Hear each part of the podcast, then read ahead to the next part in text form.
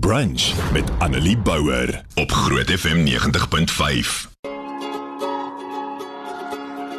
So vandag se spreeklewe gaan ek begin presies soos 2022 se eerste spreeklewe.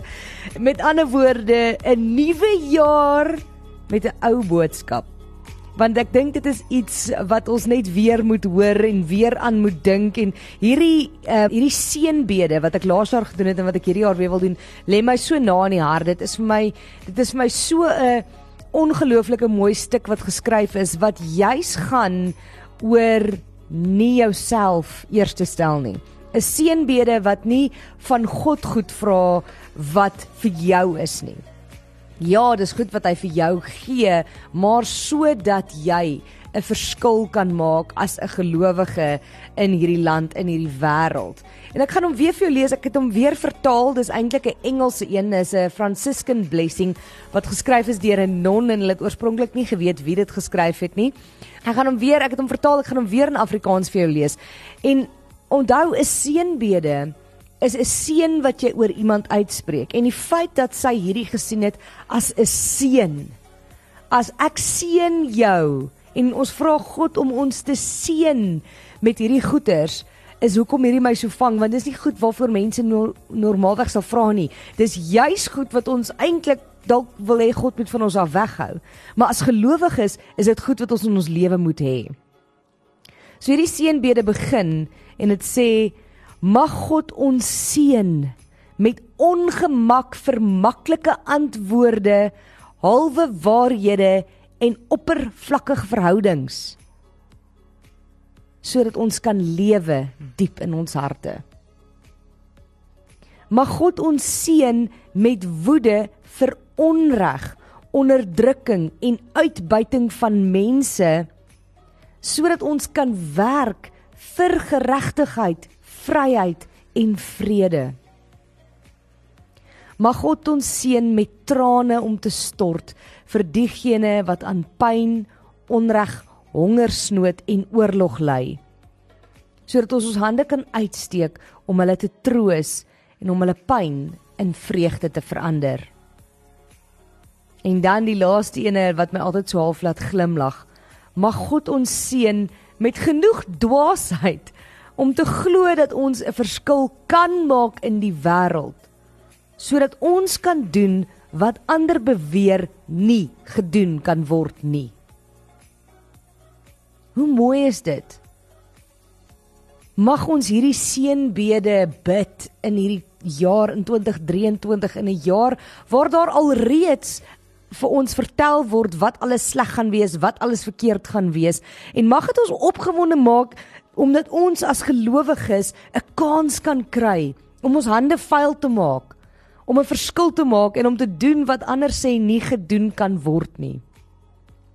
Ek gaan hom weer vir jou lees, so 'n bietjie opinies tussenin gee.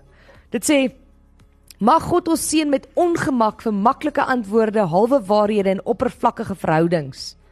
Daai ongemak wanneer jy weet hierdie hierdie is nie heeltemal die waarheid nie of dis die of die maklike antwoord wat iemand vir jou gee net om jou gelukkig te hou en oppervlakkige verhoudings wat eintlik niks beteken nie. Want dan sê hierdie seun kan ons diep in ons harte lewe. Mag God ons seën met woede vir onreg, onderdrukking en uitbuiting van mense. En wat ek van hou is dat die volgende woorde nie sê sodat ons kan veg nie. Daai woede is nie dat ons kan veg nie, dis dat ons kan werk. Want ons as gelowiges doen dinge anders vir geregtigheid, vryheid en vrede.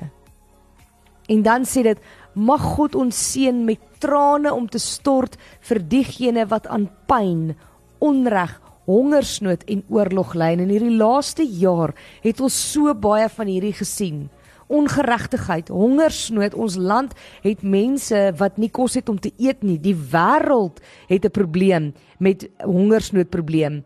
En ons het gesien die oorlog wat laas jaar weer uitgebreek het in die Oekraïne tussen Rusland en Oekraïne, hoeveel mense in daai pyn gedompel is met hulle huise wat weg is, familielede wat oorlede is, mense wat seer gekry het.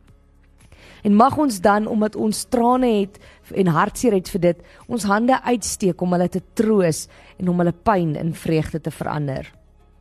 En mag God ons dan seën met genoeg dwaasheid, nie met dwaasheid nie, net met genoeg dwaasheid in hierdie een opsig om te glo dat ons 'n verskil kan maak in hierdie wêreld, sodat ons nie sê, "Ag, dit kan nie gedoen word nie, dis onmoontlik, daar's te veel goeters."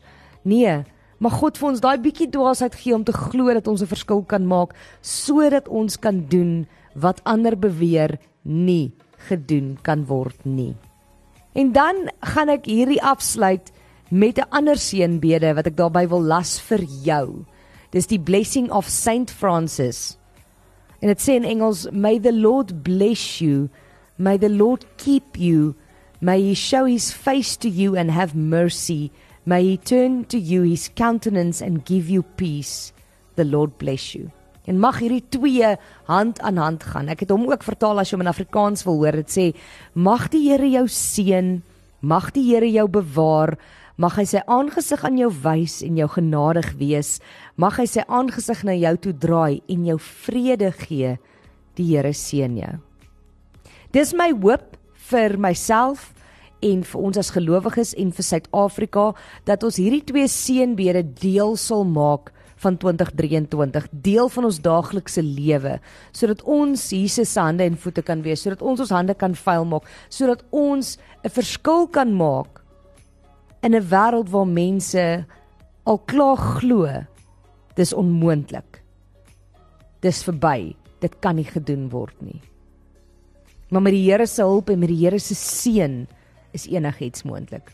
Annelie Bouwer, weekoggend tussen 9 en 12 op Groot FM 90.5.